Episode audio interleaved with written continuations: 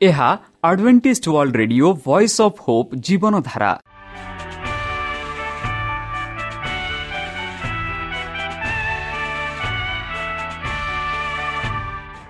Odia radio କାର୍ଯ୍ୟକ୍ରମ ଯାହା ଆମର ଆନ୍ତର୍ଜାତୀୟ ଆଘାତ କେନ୍ଦ୍ରରୁ ପ୍ରସାରଣ କରାଯାଉଛି ପ୍ରତିଦିନ ରାତି ନଅଟା ତିରିଶ ମିନିଟ୍ରେ। ମୁଁ ସୁବ୍ରତ କୁମାର ପତି ପ୍ରେମର ସହ ଆପଣମାନଙ୍କୁ ଏହି କାର୍ଯ୍ୟକ୍ରମକୁ ସ୍ୱାଗତ କରୁଅଛି। ଚାଲନ୍ତୁ ଆଜିର ତିରିଶ ମିନିଟ୍ର କାର୍ଯ୍ୟକ୍ରମ ବିଷୟରେ ଜାଣିନେବା।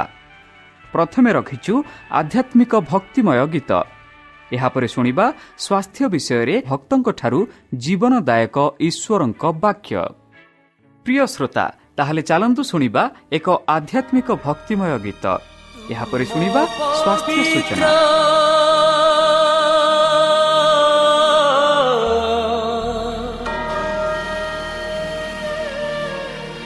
জড়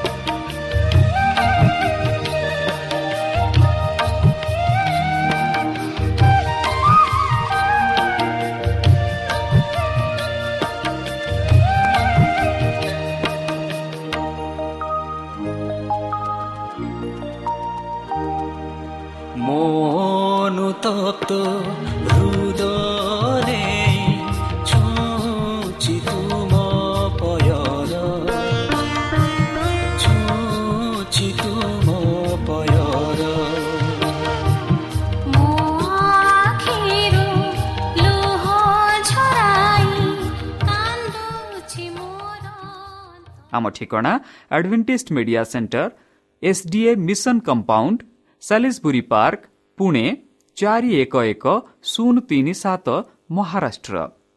ବା ଖୋଲନ୍ତୁ ଆମର ୱେବସାଇଟ୍ ଯେକୌଣସି Android phone smartphone desktop laptop କିମ୍ବା ଟ୍ୟାବ୍ଲେଟ୍ ଆମର website W W W dot A W R dot O R G slash O R I ଏବଂ W W W dot Adventist media centre India dot O R G Adventist media centre ଇଣ୍ଡିଆର spelling ହେଉଛି A D V E N T I S T M E D I A C E N T R E I N D I A ବର୍ତ୍ତମାନ ଚାଲନ୍ତୁ ଶୁଣିବା ଈଶ୍ୱରଙ୍କ ଭକ୍ତଙ୍କଠାରୁ ଈଶ୍ୱରଙ୍କ ଜୀବନଦାୟକ ବାକ୍ୟ।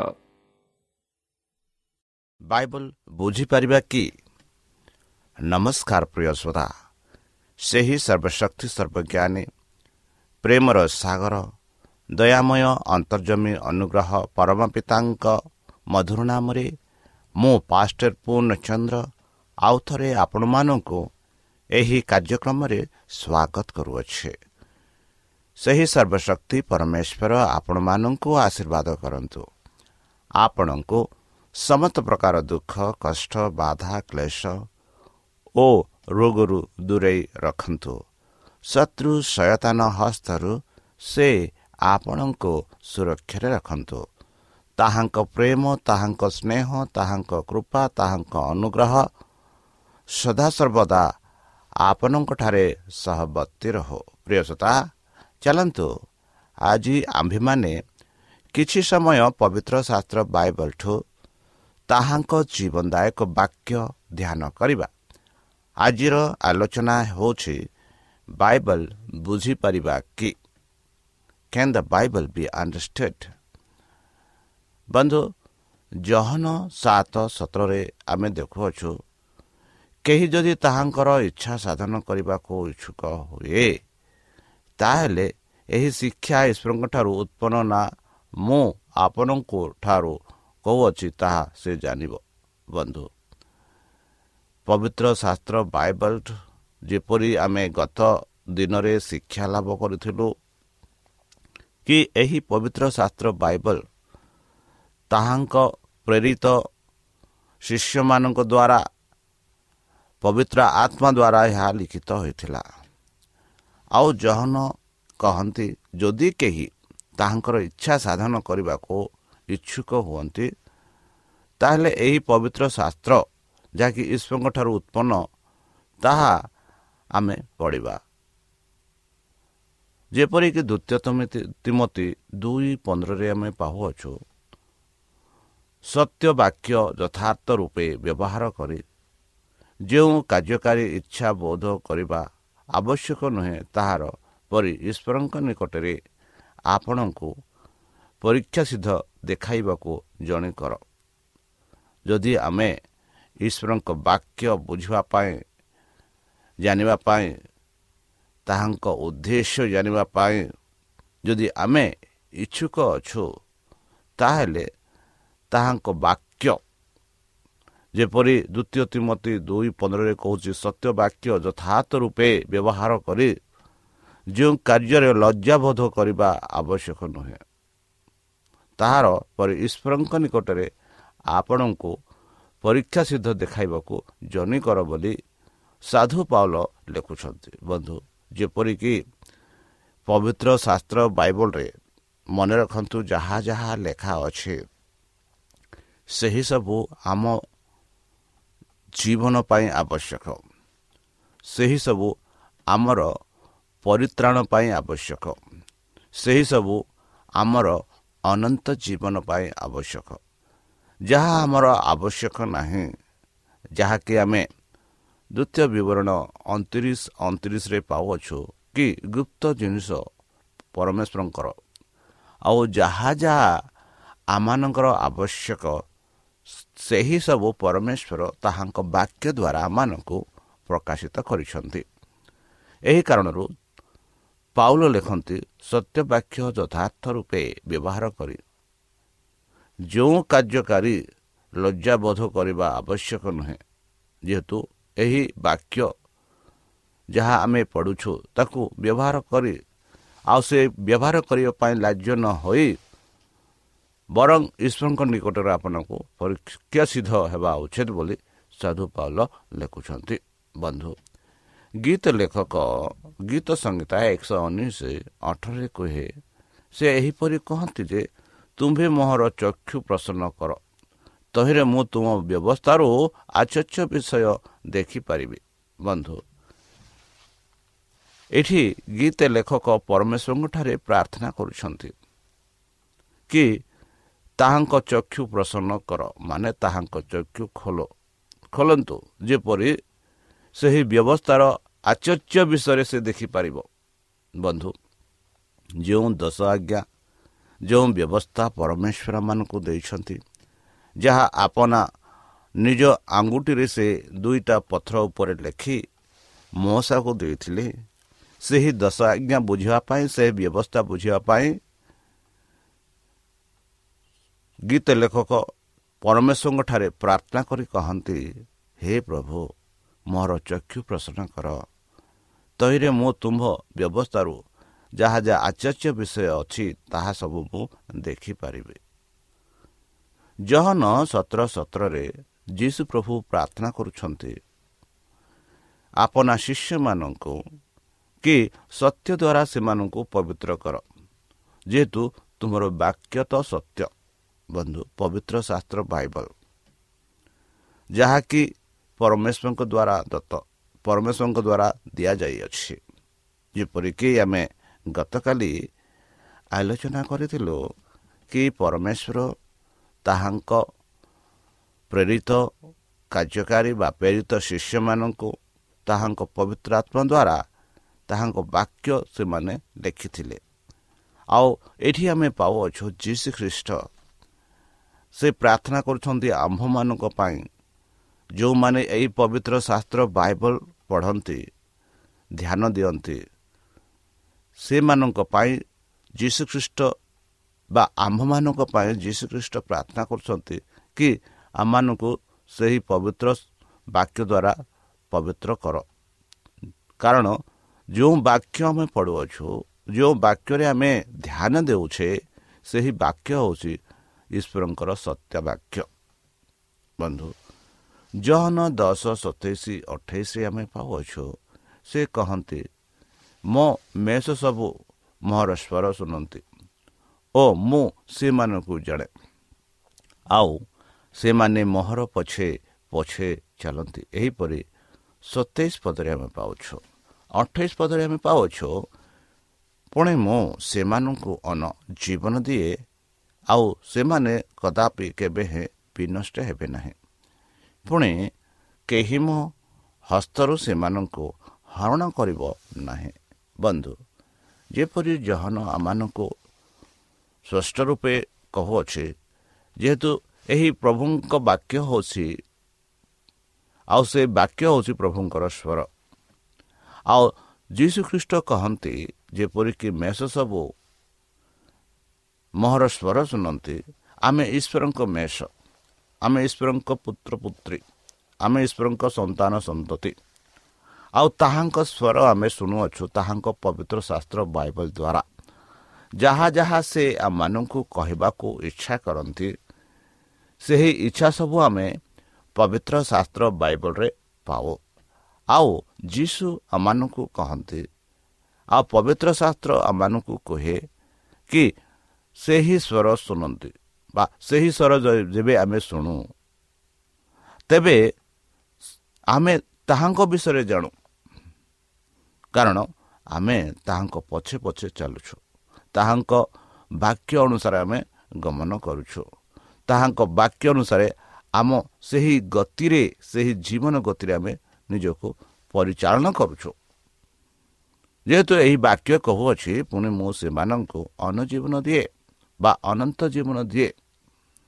ଆଉ ସେମାନେ କଦାପି କେବେ ହେଁ ବିନଷ୍ଟ ହେବେ ନାହିଁ। ବନ୍ଧୁ କଦାପି କେବେ ହେଁ ବିନଷ୍ଟ ହେବ ନାହିଁ। ଏହା ହେଉଛି ଈଶ୍ୱରଙ୍କ ବାକ୍ୟ। ଈଶ୍ୱର ନିଜେ କହନ୍ତି କି ଆମେ କଦାପି କେବେ ହେଁ ବିନଷ୍ଟ ହେବା ନାହିଁ। କାରଣ ଆମ୍ଭେ ତାହାଙ୍କ ସ୍ୱର ଶୁଣୁ ଆମ୍ଭେ ତାହାଙ୍କ ବାକ୍ୟ ପଢ଼ୁ ଆମ୍ଭେ ତାହାଙ୍କ ବାକ୍ୟରେ ଧ୍ୟାନ ଦେଉ। ଏଥିଯୋଗୁଁ ଯୀଶୁଖ୍ରୀଷ୍ଟ କହନ୍ତି ସେମାନେ କଦାପି କେବେ ହେଁ ବିନଷ୍ଟ ହେବେ ନାହିଁ। ପୁଣି କେହି ମୋ ହସ୍ତରୁ ସେମାନଙ୍କୁ ହରଣ କରିବ ନାହିଁ। ବନ୍ଧୁ ଆମେ ଯେଉଁ ପୃଥିବୀରେ ବାସ କରୁଛେ ଆମ ଚାରିପଟେ ବିଭିନ୍ନ ପ୍ରକାର ପ୍ରତାରଣା ବିଭିନ୍ନ ପ୍ରକାର ଯେଉଁ ଆକାଶିତ ଜିନିଷ ଘେରି ରହିଅଛି ସେଥିରେ ସୈତାନମାନଙ୍କୁ ଆପଣା ହସ୍ତରେ ନିୟନ୍ତ୍ରଣ କରିବା ପାଇଁ ଚେଷ୍ଟା କରୁଛେ। ପରମେଶ୍ୱରଙ୍କ ହସ୍ତରୁ ଆମମାନଙ୍କୁ ଛଡ଼ାଇ ନେବା ପାଇଁ ସେ ଇଚ୍ଛା ଚେଷ୍ଟା କରୁଛେ। ମାତ୍ର ଯେତେ ଲୋକ ଈଶ୍ୱରଙ୍କ ସ୍ୱର ଶୁଣନ୍ତି ତାଙ୍କ ବାକ୍ୟରେ ଧ୍ୟାନ ଦିଅନ୍ତି ଆଉ ସେ ବାକ୍ୟ ବାକ୍ୟ ଅନୁସାରେ ଚାଲନ୍ତି ପରମେଶ୍ୱର ସେ କହ ପରମେଶ୍ୱର କହନ୍ତି କି ସେମାନଙ୍କୁ କେବେ ହେଲେ ଶୈତାନ ତାଙ୍କ ହସ୍ତରୁ ନେଇପାରିବେ ନାହିଁ। ହରଣ କରିବ ନାହିଁ ବୋଲି ପବିତ୍ର ଶାସ୍ତ୍ର ବାଇବଲରେ ଆମେ ପାଉଅଛ। ବନ୍ଧୁ ଯେପରିକି ପ୍ରଥମ ତେସଲୋନିକା ଦୁଇ ତେରରେ ଆମେ ଦେଖୁ ଆଉ ଏହି କାରଣରୁ ଆମ୍ଭେମାନେ ମଧ୍ୟ ନିରନ୍ତର ଈଶ୍ୱରଙ୍କର ଧନ୍ୟବାଦ କରୁଅଛ ଯେ ଯେତେବେଳେ ତୁମେମାନେ ଆମମାନଙ୍କ ଦ୍ୱାରା ପ୍ରଚାରିତ ଈଶ୍ୱରଙ୍କ ବାକ୍ୟ ଗ୍ରହଣ କଲ ସେତେବେଳେ ତାହା ମନୁଷ୍ୟର ବାକ୍ୟ ସ୍ୱରୂପେ ଗ୍ରହଣ ନ କରି ବରଂ ଈଶ୍ୱରଙ୍କ ବାକ୍ୟ ସ୍ୱରୂପେ ଗ୍ରହଣ କରିଥିଲ। ଆଉ ବାସ୍ତବରେ ତାହା ଈଶ୍ୱରଙ୍କ ବାକ୍ୟ ଅଟେ। ପୁଣି ବିଶ୍ୱାସୀ ଯେ ତୁମ୍ଭେମାନେ ତୁମମାନଙ୍କ ଅନ୍ତରରେ ତାହା ମଧ୍ୟ କାର୍ଯ୍ୟ ସାଧନ କରୁଅଛି। ବନ୍ଧୁ କେଡ଼େ ସୁନ୍ଦର ଭାବରେ ସାଧୁ ପାଉଲ ଏଠି ଈଶ୍ୱରଙ୍କ ବାକ୍ୟ ବିଷୟରେ ବର୍ଣ୍ଣନା କରି କହନ୍ତି ଯାହାକି ଆମେ ଦେଖାଉଛୁ ତୁମମାନଙ୍କ ଅନ୍ତରରେ ତାହା ମଧ୍ୟ କାର୍ଯ୍ୟ ସାଧନ କରୁଅଛି। ଯେବେ ଆମେ ପବିତ୍ର ଶାସ୍ତ୍ର ବାଇବଲ ପ୍ରତ୍ୟେକ ସକାଳ ସନ୍ଧ୍ୟା ମଧ୍ୟାହ୍ନ ସମୟରେ ଆଉ ପ୍ରତ୍ୟେକ ସମୟରେ ଯଦି ତାଙ୍କ ବାକ୍ୟ ଆମେ ଧ୍ୟାନ କରିବା ପଢ଼ିବା ତେବେ ସେହି ବାକ୍ୟ ଆମମାନଙ୍କ ଜୀବନରେ କାର୍ଯ୍ୟ କରୁଥାଏ। କାରଣ ଆମେମାନେ ମଧ୍ୟ ନିରନ୍ତର ଈଶ୍ୱରଙ୍କ ଧନ୍ୟବାଦ ଦେବା ଉଚିତ ଯେହେତୁ ସେହି କାର୍ଯ୍ୟ ପରମେଶ୍ୱରଙ୍କ ଦ୍ୱାରା କରାଯାଉଅଛି ସାଧୁ ପାଲ କହନ୍ତି ଯେତେବେଳେ ତୁମ୍ଭେମାନେ ଆମମାନଙ୍କ ଦ୍ୱାରା ପ୍ରଚାରିତ ଈଶ୍ୱରଙ୍କ ବାକ୍ୟ ଗ୍ରହଣ କଲ। ଯେଉଁ ବାକ୍ୟ ପବିତ୍ର ଶାସ୍ତ୍ର ବର୍ତ୍ତମାନ ଆମମାନଙ୍କୁ ଦେଉଅଛି ସେତେବେଳେ ସାଧୁ ପାଉଲ ସେହି ମଣ୍ଡଳୀକୁ ଯାଇ ସ୍ୱୟଂ ଈଶ୍ୱରଙ୍କ ବାକ୍ୟ ପ୍ରଚାର କରିଥିଲେ। ଆଉ ଯେଉଁମାନେ ସେହି ବାକ୍ୟରେ ଶ୍ରବଣ କଲେ ବିଶ୍ୱାସ କରି ସେହି ବାକ୍ୟ ଅନୁସାରେ ଚାଲିଲେ ସେମାନଙ୍କୁ ସାଧୁ ପାଉଲ କହୁଅଛନ୍ତି। ବନ୍ଧୁ ବର୍ତ୍ତମାନ ସେହି ବାକ୍ୟ ଆମମାନଙ୍କୁ ପବିତ୍ର ଶାସ୍ତ୍ର ଦ୍ୱାରା ଆସୁଅଛୁ ଆସୁଅଛି।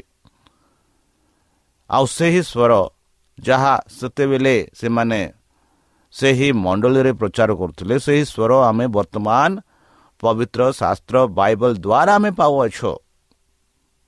ଆଉ ସେହି ବାକ୍ୟ ଯେବେ ଆମେ ଶୁଣି ବ୍ୟବହାର କରିବା ତେବେ ସେହି ବାକ୍ୟ ଆମ ଅନ୍ତରରେ ରହି ଆମ କାର୍ଯ୍ୟକୁ ସାଧନ କରିବ ବୋଲି ପବିତ୍ର ଶାସ୍ତ୍ର ବାଇବଲ ଆମମାନଙ୍କୁ କହୁଅଛି। ବନ୍ଧୁ ଯେପରିକି ଜିସାୟ ଭବିଷ୍ୟତ ବକ୍ତା ଲେଖନ୍ତି ଜିସାୟ ଅଠାଇଶ ନଅରେ ଦଶରେ ସେ କହନ୍ତି ସେ କାହାକୁ ଜ୍ଞାନ ଶିକ୍ଷା ଦେବେ? ସେ କାହାକୁ ସମାଚାର ବୁଝାଇ ଦେବେ କି ଦୁଗ୍ଧ ତ୍ୟାଗୀ ଓ ଶୂନ୍ୟ ପାନରୁ ନିବୃତ୍ତି ଶିଶୁମାନଙ୍କୁ? ଯେପରି ଦଶରେ ଆମେ ଦେଖୁଛୁ କାରଣ ଏତ ବିଧି ଉପରେ ବିଧି ବିଧି ଉପରେ ବିଧି ଧାଡ଼ି ଉପରେ ଧାଡ଼ି ଧାଡ଼ି ଉପରେ ଧାଡ଼ି ଏଠି ଅଳ୍ପ ସେଠି ଅଳ୍ପ। ବନ୍ଧୁ ଯେବେ ଆମେ ପବିତ୍ର ଶାସ୍ତ୍ର ବାଇବଲ ଧ୍ୟାନ କରୁ ବେଳେ ବେଳେ ଗୋଟିଏ ପର୍ବ ପଡ଼ି ଆମେ ଭାବୁ ସେହି ପର୍ବରେ କ'ଣ ଲେଖାଯାଇଛି ଏହା ବୁଝିବା ପାଇଁ ଆମେ ଚେଷ୍ଟା କରିଥାଉ। ଯେହେତୁ ଆଜିର ଆଲୋଚନା ହେଉଛି ବାଇବଲ ବୁଝିପାରିବା କି? ଯଦି ଆମେ ବାଇବଲ ବୁଝିବାକୁ ଚେଷ୍ଟା କରୁଛୁ ଏଠି ଜିସାୟ ଭବିଷ୍ୟତ ଭକ୍ତାମାନଙ୍କୁ ସ୍ପଷ୍ଟ ରୂପେ ସେହି ବାକ୍ୟ କିପରି ଆମେ ବୁଝିବା ତାହା ବିଷୟମାନଙ୍କୁ ଦେଉଛନ୍ତି। ସେ କହନ୍ତି ପ୍ରଥମେ ପ୍ରଥମରେ ସେ ପ୍ରଶ୍ନ କରନ୍ତି ସେ କାହାକୁ ଜ୍ଞାନ ଶିକ୍ଷା ଦେବେ? ଦ୍ୱିତୀୟରେ ସେ ପ୍ରଶ୍ନ କରନ୍ତି ସେ କାହାକୁ ସମାଚାର ବୁଝାଇ ଦେବେ? ତୃତୀୟରେ ସେ ପ୍ରଶ୍ନ କରନ୍ତି କି ଦୁଗ୍ଧ ତ୍ୟାଗୀ ଓ ସୈନ୍ୟ ପାନରୁ ନିବୃତ୍ତ ଶିଶୁମାନଙ୍କୁ କାରଣ ଯଦି ଆମେ ତାହାଙ୍କୁ ବାକ୍ୟ ବୁଝିବା ପାଇଁ ଇଚ୍ଛା କରୁଛୁ ଏଠି କୁହାଯାଉଛି ବିଧି ଉପରେ ବିଧି। ବିଧି ଉପରେ ବିଧି ଧାଡ଼ି ଉପରେ ଧାଡ଼ି ଧାଡ଼ି ଉପରେ ଧାଡ଼ି ଏଇଠି ଅଳ୍ପ ସେଇଠି ଅଳ୍ପ। ବନ୍ଧୁ ପବିତ୍ର ଶାସ୍ତ୍ର ବାଇବଲ ଆମେ ଦେଖୁଛୁ ଛଅ ଛଅଟି ପୁସ୍ତକ। ସେଥିରେ ପୁଣି ନୂତନ ନିୟମ ପୁରାତନ ନିୟମ ପୁରାତନ ନିୟମ ନୂତନ ନିୟମ। ଆଉ ଯାହା ଯାହା ପୁରାତନ ନିୟମରେ ଲେଖାଯାଇଅଛି ସେହିଗୁଡ଼ାକ ମଧ୍ୟ ଆମେ ନୂତନ ନିୟମରେ ପାଉଅଛୁ। ଆଉ ପୁରାତନ ନିୟମରେ ଯାହା ଯାହା ଲେଖାଯାଇଥିଲା ସେହି ବିଷୟରେ ଆମେ ନୂତନ ନିୟମରେ ପାଉଅଛୁ ଆଉ ତାହା ଯୀଶୁଖ୍ରୀଷ୍ଟଙ୍କ ବିଷୟରେ। ଯଦି ଯୀଶୁଖ୍ରୀଷ୍ଟଙ୍କ ବିଷୟରେ ଆମେ ଶୁଦ୍ଧ ରୂପରେ ଜାଣିବା ପାଇଁ ଇଚ୍ଛା କରୁଛୁ ତାହେଲେ ଆମେ ଏଇଠି ସେଇଠି ବା ଧାଡ଼ି ଉପରେ ଧାଡ଼ି ଏଇଠି ଅଳ୍ପ ସେଇଠି ଅଳ୍ପ ଯଦି ଆମେ ଦେଖିବା ତେବେ ସେହି ବାକ୍ୟର ଅର୍ଥ ଆମେ ବୁଝିପାରିବା। ଯେହେତୁ ସେହି ବାକ୍ୟର ଏଇଠି ସେଇଠି ଯଦି ଆମେ ଦେଖିବା ତାହେଲେ ସେ ସେ ବାକ୍ୟମାନଙ୍କୁ ସାଧାରଣ ରୂପେ ସ୍ପଷ୍ଟ ରୂପେ ବୁଝାଇ ପାରିବ। ଏଠି କାରଣ ଏଥି କାରଣରୁ ଯିଶା ଭବିଷ୍ୟତ ଭକ୍ତା କହନ୍ତି କି ଏତେ ବିଧି ଉପରେ ବିଧି ବିଧି ଉପରେ ବିଧି ଧାଡ଼ି ଉପରେ ଧାଡ଼ି ଧାଡ଼ି ଉପରେ ଧାଡ଼ି ଏଇଠି ଅଳ୍ପ ସେଇଠି ଅଳ୍ପ। ବନ୍ଧୁ ଯେପରି ସାଧୁପାଲ ଲେଖନ୍ତି ପ୍ରଥମ କରନ୍ତି ଦୁଇ ତେର ଚଉଦରେ ସେହି ସମସ୍ତ ବିଷୟ ମଧ୍ୟ ଆମେମାନେ ମନୁଷ୍ୟର ଜ୍ଞାନ ଦ୍ୱାରା ଶିକ୍ଷିତ ବାକ୍ୟର କହିନଥାଉ। ମାତ୍ର ଆଧ୍ୟାତ୍ମିକ ବିଷୟ ସବୁ ଆତ୍ମିକ ବିଷୟ ଦ୍ୱାରା ବୁଝାଇ ଆମ୍ଭଙ୍କ ଦ୍ୱାରା ଶିକ୍ଷିତ ବାକ୍ୟର କହିଥାଏ। ବନ୍ଧୁ ଏହି ବାକ୍ୟ ଆଧ୍ୟାତ୍ମିକ ବିଷୟ ଦ୍ୱାରା ଆମେ ଶିଖୁଅଛୁ। ଯେପରିକି ଆମେ ଆଧ୍ୟାତ୍ମିକ ରୂପେ ଆଗକୁ ବଢ଼ୁ। ଯେପରି ଚଉଦ ପଦରେ ସେ କହନ୍ତି କି କିନ୍ତୁ ମାଂସ ରିକ ମନୁଷ୍ୟ ଈଶ୍ୱରଙ୍କ ଆତ୍ମାଙ୍କ ବିଷୟ ଗୁଡ଼ିକ ଗ୍ରହଣ କରେ ନାହିଁ। କାରଣ ସେହି ସବୁ ତାହା ନିକଟରେ ମୂର୍ଖାତ। ପୁଣି ସେ ସେହି ସବୁ ବୁଝିପାରେ ନାହିଁ। ତେଣୁ ସେହି ସବୁକୁ ଆତ୍ମିକ ଭାବରେ ବିଚାର କରାଯାଏ। ବନ୍ଧୁ କେଡ଼େ ସୁନ୍ଦର ଭାବରେ ସାଧୁ ପାଉଲାମାନଙ୍କୁ ଶ୍ରେଷ୍ଠ ରୂପରେ ବୁଝାଉଅଛି ଯଦି ଆମେ ପବିତ୍ର ଶାସ୍ତ୍ର ବାଇବଲ ବୁଝିବା ପାଇଁ ଇଚ୍ଛା କରୁଛେ ତାହେଲେ ଆମେ ପବିତ୍ର ଶାସ୍ତ୍ର ପଢ଼ିବା ବେଳେ ଆମ ଜୀବନ ଆମ ଆତ୍ମା ଆମ ମନ ଆମ ଧ୍ୟାନ ସବୁ ଦେଇ ପଡ଼ିବା ଯେପରି ସେହି ବାକ୍ୟ ଆମେ ବୁଝିପାରିବା। ଆଉ ଯେଉଁମାନେ ଏହିପରି ବୁଝି ପଢ଼ିବେନି ଆଉ ସେମାନଙ୍କ ପାଇଁ ବା ସେମାନଙ୍କ ପାଇଁ ଏହି ପବିତ୍ର ଶାସ୍ତ୍ର ହେଉଛି ଏକ ମୂର୍ଖତା ବୋଲି ପବିତ୍ର ଶାସ୍ତ୍ର ବାଇବଲ କହୁଅଛି ବନ୍ଧୁ ଯେହେତୁ ସେମାନେ ବୁଝିପାରନ୍ତି ନାହିଁ ଯାହା ଯାହା ବାଇବଲରେ ଅଛି ସେମାନେ ପଢ଼ି ସେହି ବାକ୍ୟ ସବୁ ସେମାନେ ବୁଝିପାରନ୍ତି ନାହିଁ। ଏହି କାରଣରୁ ସାଧୁ ପାଉଲ ଲେଖୁଛନ୍ତି ସେମାନଙ୍କ ପାଇଁ ଏକ ମୂର୍ଖତା। ସେମାନଙ୍କ ପାଇଁ ଏକ ମୂର୍ଖତା। ଯଦି ଆମେ ଲୁକ ଛବିଶ ସତେଇଶ ଚଉରାଳିଶ ପଇଁଚାଳିଶ ପଢ଼ିବା ସେଠି ଆମେ ଲୁକ ଏହିପରି ଲେଖୁଅଛନ୍ତି। ସେ ଲେଖନ୍ତି ପୁଣି ମଶା ଓ ସମସ୍ତ ଭାବିବା ଭାବବାଦୀଙ୍କ ଠାରୁ ଆରମ୍ଭ କରି ସମସ୍ତ ଧର୍ମଶାସ୍ତ୍ରରେ ଆପଣ ସମ୍ବନ୍ଧୀୟର କଥା ଯେ ସେମାନଙ୍କୁ ବୁଝାଇଲେ। ପୁଣି ସେ ସେମାନଙ୍କୁ କହିଲେ ମଶାଙ୍କ ବ୍ୟବସ୍ଥା ଏବଂ ଭାବବାଦୀମାନଙ୍କ ଓ ଗୀତ ସଙ୍ଗୀତା ଧର୍ମଶାସ୍ତ୍ରର ମୋ ବିଷୟରେ ଯାହା ଯାହା ଲେଖା ଅଛି ସେହିସବୁ ସଫଳ ହେବା ଆବଶ୍ୟକ। ମୁଁ ତୁମମାନଙ୍କ ସଙ୍ଗରେ ଥିବା ସମୟରେ ତୁମମାନଙ୍କୁ ଏହି ସମସ୍ତ କଥା କହିଥିଲି ବନ୍ଧୁ। କେତେ ସୌଭାଗ୍ୟର ଲୋକେ ସେତେବେଳେ ଯେବେ ଯୀଶୁ ପ୍ରଭୁ ଏହି ପୃଥିବୀରେ ଥିଲେ ଆଉ ସେହି ବାର ଶିଷ୍ୟମାନେ ଆଉ ଅନ୍ୟ ଲୋକ ଯେଉଁମାନେ ସଦାବେଳେ ଯୀଶୁଖ୍ରୀଷ୍ଟଙ୍କ ପାଖରେ ରହି ତାହାଙ୍କ ବାକ୍ୟ ଶ୍ରବଣ କରୁଥିଲେ ତାଙ୍କ ବାକ୍ୟ ଶୁଣୁଥିଲେ କେତେ ସୌଭାଗ୍ୟ କେତେ ଭାଗ୍ୟବାନ କେତେ ଭାଗ୍ୟମାନ କି ଈଶ୍ୱର ନିଜ ଈଶ୍ୱର ନିଜେ ତାହାଙ୍କ ବାକ୍ୟ ତାହାଙ୍କ ଇଚ୍ଛା ସେମାନଙ୍କୁ କହୁଥିଲେ। ଆଉ ଏଠି ଆମେ ପାଉଅଛୁ କି ସେମାନଙ୍କୁ ଯୀଶୁ ପ୍ରଭୁ ସ୍ପଷ୍ଟ ରୂପରେ ବୁଝାଉଛନ୍ତି କି ମଉସା ଯେଉଁ ସମସ୍ତ ଭାବବାଦୀଙ୍କ ଠାରୁ ଆରମ୍ଭ କରି ସମସ୍ତ ଧର୍ମଶାସ୍ତ୍ରରେ ଆପଣ ଯେଉଁ ସମ୍ବନ୍ଧୀୟ କଥା ସେ ସେମାନଙ୍କୁ ବୁଝାଇଥିଲେ ପୁଣି ସେ ସେମାନଙ୍କୁ କହିଲେ ମଉସାଙ୍କ ବ୍ୟବସ୍ଥା ଏବଂ ଭାବବାଦୀମାନଙ୍କ ଓ ଗୀତ ସଙ୍ଗୀତା ଧର୍ମଶାସ୍ତ୍ରରେ ଏହିସବୁ ଯାହା ଯାହା ତୁମେ ପଢ଼ୁଛ ଯାହା ଯାହା ତୁମେ ଧ୍ୟାନ କରୁଛ ଯାହା ମଉସା ଲେଖିଥିଲେ ଏହିସବୁ ମଉସା ମୋ ବିଷୟରେ ଲେଖିଥିଲେ ବୋଲି ଯୀଶୁଖ୍ରୀଷ୍ଟ ଆପଣା ଶିଷ୍ୟମାନଙ୍କୁ ଆଉ ଯେତେ ଲୋକ ସେ ତାହାଙ୍କ ପାଖରେ ଅଛନ୍ତି ସମସ୍ତଙ୍କୁ ସେ ଏହି ବିଷୟରେ କହୁଅଛନ୍ତି ସେହିସବୁ ସଫଳ ହେବା ଆବଶ୍ୟକ ବୋଲି ସେ ଯୀଶୁ ପ୍ରଭୁ କହୁଅଛନ୍ତି।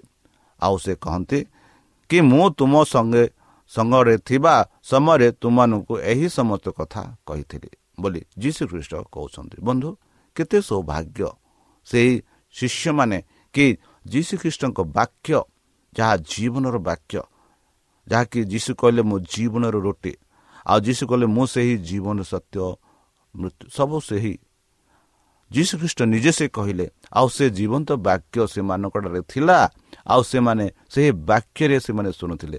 ଆଉ ସେ ବାକ୍ୟ ବର୍ତ୍ତମାନ ଆମେ ପବିତ୍ର ଶାସ୍ତ୍ର ବାଇବଲ ଦ୍ୱାରା ଶିକ୍ଷା କରୁଅଛୁ।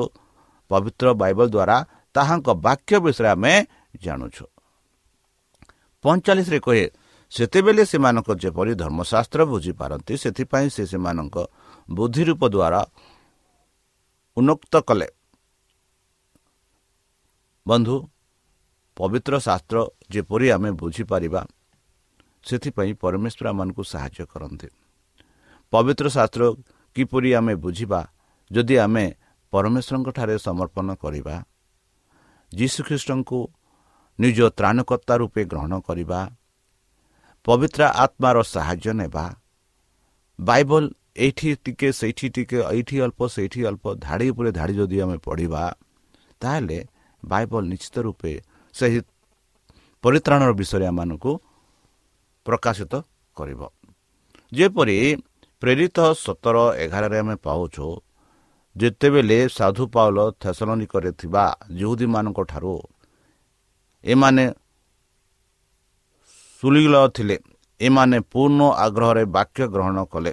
ପୁଣି ଏହି ସମସ୍ତ ସତ୍ୟ କି ନା ତାହା ଜାଣିବା ନିମନ୍ତେ ପ୍ରତିଦିନ ଶାସ୍ତ୍ର ଅନୁସନ୍ଧାନ କରୁଥିଲେ। ଦେଖନ୍ତୁ ବନ୍ଧୁ କେଡ଼େ ସୁନ୍ଦର ଭାବରେ ସେହି ପ୍ରାରମ୍ଭିକ ଖ୍ରୀଷ୍ଟିଆନ ମାନେ ଯାହା ଯାହା ସାଧୁ ପାଉଲ ସେମାନଙ୍କୁ ଶିକ୍ଷା ଦେଉଥିଲେ ଯାହା ଯାହା ଶିଷ୍ୟମାନେ ସେମାନଙ୍କୁ ଶିକ୍ଷା ଦେଉଥିଲେ ଯାହା ଯାହା ସେମାନେ ଶିକ୍ଷା ଦେଉଥିଲେ ଏହି ଶିକ୍ଷା ଗୁଡ଼ାକ